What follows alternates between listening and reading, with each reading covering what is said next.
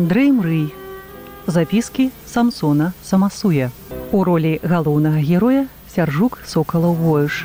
Праз два дні пасля гэтых падзеяў я каб забыцца на тую маральную поўху, якую нанеслі мне на грунце кахання і знішчыць агульную апатую майго арганізму пачаў пільна займацца сваімі справамі. Я асноўны рычаг культуры ў раёне, мае абавязкі вельмі складаны апрача непасрэдных функцыяў загадвання культаддзелам і кіравання дзейнасцю 80 настаўнікаў у мяне ёсць шэраг іншых часам вельмі турботных канфідыцыйных і неакрэсленых дырэктывамі статутамі і дэкрэтамі абавязкаў вось яны мае абавязкі і функцыі я сябра рвк старшыня дзіцячай камісіі старшыня таварыства прэшні свядомасць таварыства няхай гадуюцца дзеткі Я сябра праўлення таварыства прыхільнікаў з дахаты на буржуазею. Я раённы інспектор працы і павінен бараніць служачых ад эксплуататарскіх замахаў загадчыкаў устаноў. Я сябра жаночай камісіі РВК і ў гэты дзень па каляндарнаму пляну павінен быў абмеркаваць некаторыя пытанні з старшынёй жанаддзелу таварышам домнай. Я райліт і раяхова здароўя, раймопр, райхім. А самае дзіўнае для мяне гэта тое, што я сябра раённай абортнай камісіі.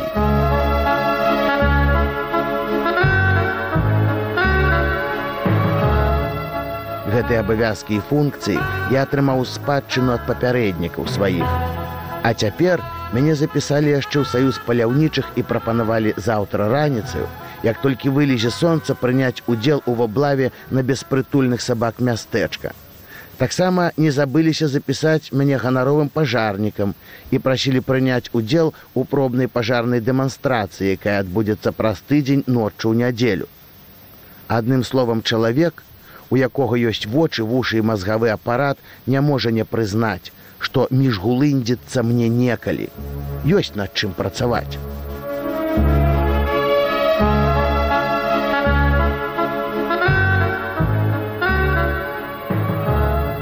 Тут прыйшоў яшчэ шкулік зісь і настойна прасіў мяне ўзяць самую галоўную ролю ў п'есе мараль таварыша закандырына, якую яны пакажуць праз тры тыдні публіцы.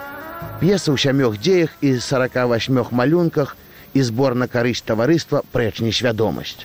Мне даюць ролю нейкага вірлы, які павінен не толькі гаварыць і блішчэць вачыма, але яшчэ добра спяваць, скакаць, займацца стралянінай і фізкультурай.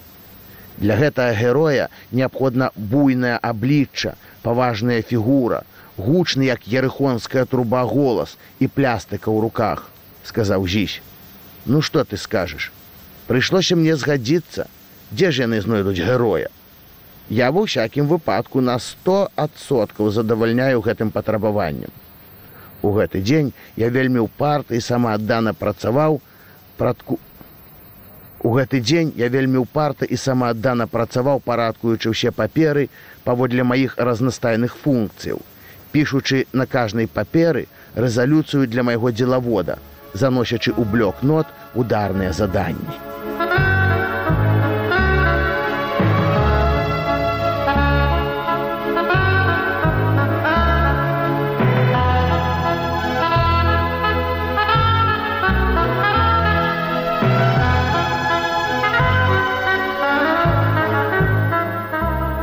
Першая установа, што наведаў я, было профбюро. Я пазнаёміўся з старшынёй бюро таварышам мільёнкам і яго тэхнічнай сакратаркай таварышам беленькай. У яго ружовае аблічча, зграбна пашыты піджак, чырвоная шаўковая хустачка ў грудным кішэні, перапялёсы гальштучак, усе зубы ў роце і ціхая ласкавая журчлівая гаворка. У яе здобная батонная фігурка, заплыўшыя ружовым тлушчам вочки, пульхлыя крахмальна-белыя ручки і моцныя крутыя ногі. Малачко з кроўю, падумаў я і на хвіліну маё фізычнае ўспрыманне гэтай дзяўчыны выціснула з мае галавы чароўны вобраз крэйны. Сваёй гутаркай з профбюро я быў вельмі задаволены. Я зайшоў яшчэ на аграпункт, які быў побач з больніцай. Там я вельмі добрую прапанову даў аграномам, вялікімі чырвонымі літарамі ў канцылярыі вывесіць лёзунг праз карняплоды да сацыялізму. Побач з больніцай была яшчэ адна установа, куды я павінен быў зайсціся. Гэта жанаддзел. Я правёў доўгую цікавую гутарку аб культ працы сярод жанчын.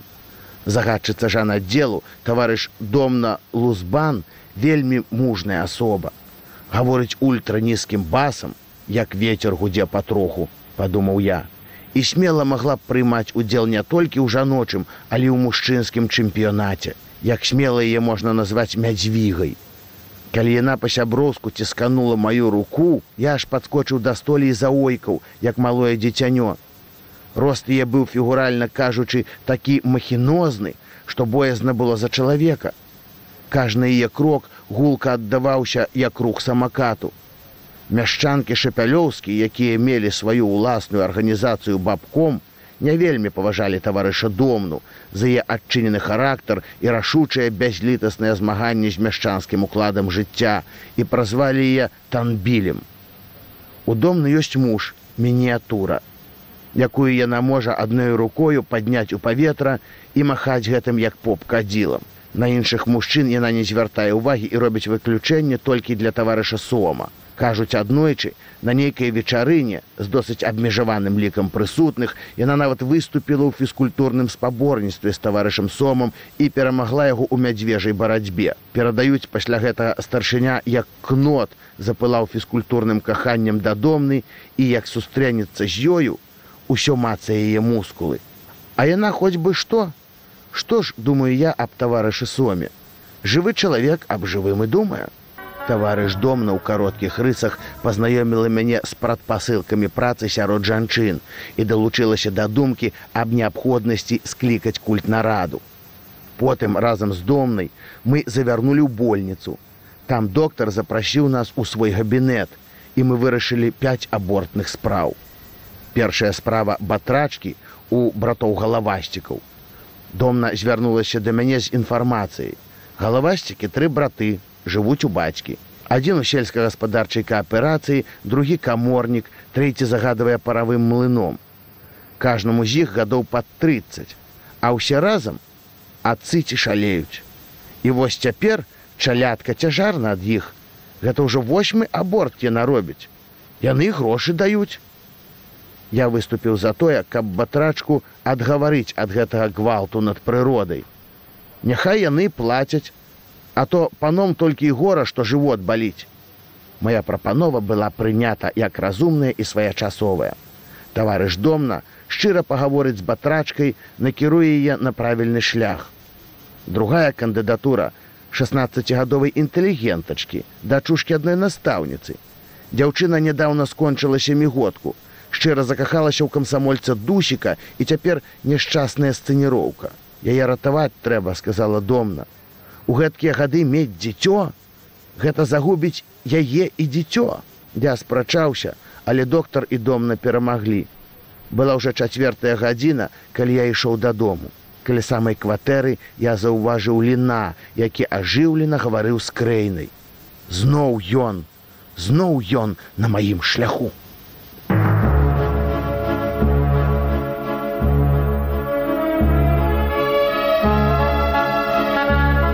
цэлых тры тыдні я быў заняты пякельнай працай і не мог пільна сачыць за злачыннай дзейнасцю майго канкурента ліна. Некалькі разоў я выязджаў на раён для правядзення калёквіумаў. Да гэтай справы я падышоў вельмі ўважліва і сумленна. Толькі дзве школы я прызнаў здавальняючымі з боку вучобы. Вучні не навучыліся грысці навуковае каменне сваімі маладымі зубамі Яны не ведаюць, хто кіруе рознымі галінамі гаспадаркі і культуры ў саюзе, на Беларусі, не ведаюць, што такое фашызм, імперыялізм, нават не ведаюць, хто кіруе асветы ў раёне. На гэтыя недахопы нельга глядзець праз памяншальнае шкло. Я ўсім так і гаварыў. Нельга адгаварвацца, што яны малечай шмат чаго не разумеюць. Хто ў гэтым вінен? Зразумела, настаўнікі гэтыя ліхтары ў раёне. За гэта ўпушчэнства я добра прашмараваў іх. Толькі ў дзвярох школы на маё запытанне, хто кіруе асветай у раёне вучні, як свядомыя байцы адказалі: « Асветай у нашым раёне кіруе таварыш самасуй.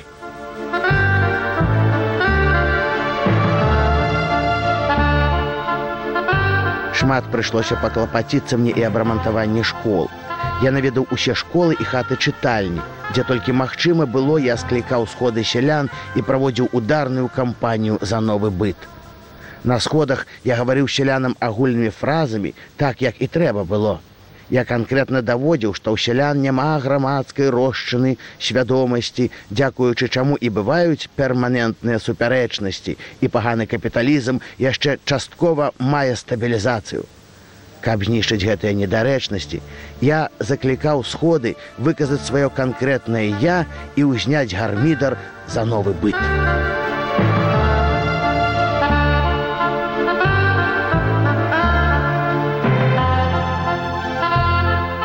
Мяне ўсюды ўважліва слухалі і прыймалі маю рэзалюцыю, якую я напісаў яшчэ ў шапялёўцы, узяўшы пад увагу усе дэталі пытання. Толькі ў вёсцы брылёўцы знайшліся суб'екты, якія аб'ектыўна з'явіліся рупарамі дробна-буржуазнай стыхіі. Яны арганізавана выступілі супроць мяне. Адзін з іх па прозвішчы хвёдар трайка, чалавек вельмі невялікага росту, увесь заросшы валасамі як шчацінай, з лупатымі вочкамі і ўзрэб'і, нахабна гледзячы ў вочы мне закончыў сваю прамову. Таварыш гаварыў, гаварыў нам, а мы сядзелі як мамоны глухія, нічога не зразумелі, нейкая птушыная мова, як грамахвон гаварыў. За трайкай яшчэ іншыя хвасцісты пасыпалі на маю галаву розныя ганебныя інсінуацыі і запытанні. Я паабяцаў арыштаваць трайку як склочніка, і тады раптам усе супакоіліся. Я з гонарам гаварыў сваю заключную прамову і рэзалюцыя была ўхвалена пераважнай большасцю. У другой вёсцы забягаюцы. Нейкі несвядомы гарлапан замест мае рэзалюцыі сказаў: « А я даю рэзалюцыю не таўчы ў ступе вады, а ўзяцца за масты, за школы, за шляхі, за іншыя дзіркі ў нашай гарманізме. А то ў нас у забягаюцы школа ў зямлю расла і на прызьбе нават вырасла некалькі падасінавікаў. Гэта выступленне я кваліфікаваў як правакацыю, дэмагогію, разлічаную на танны эфект. У трэцяй вёсцы радулі вылезла адна манада, чырвона-рудая як агонь і хітра усміхаючыся, прыплюшчыўшы свае бегаючыя вочы сказала: « Мне ўжо больш за 50 год. Я доўга ўсё думаў і надумаў, што ёсць самая дрэнная рэч. А цяпер ведаю, як паслухаў таварыша, самая дрэнная рэч, калі розуму мала, ды калі жыта засееш, а яно не зародзіць маё ўсё. А наогул мяне вельмі добра прыймалі і слухалі, што б я не сказаў. Часта віталі мой прыезд як своечасовы.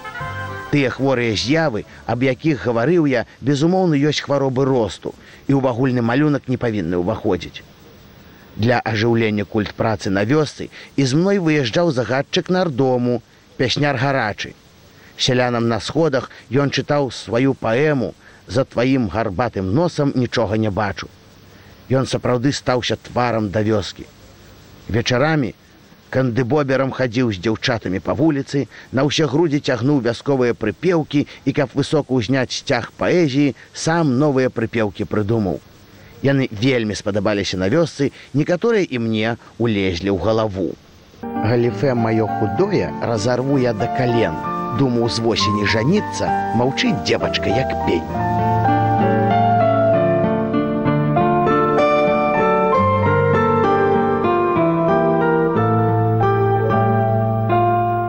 Каля нашага ваконца пра шканды была цяля. Я за хвосцік ухапіла, думала маё міля.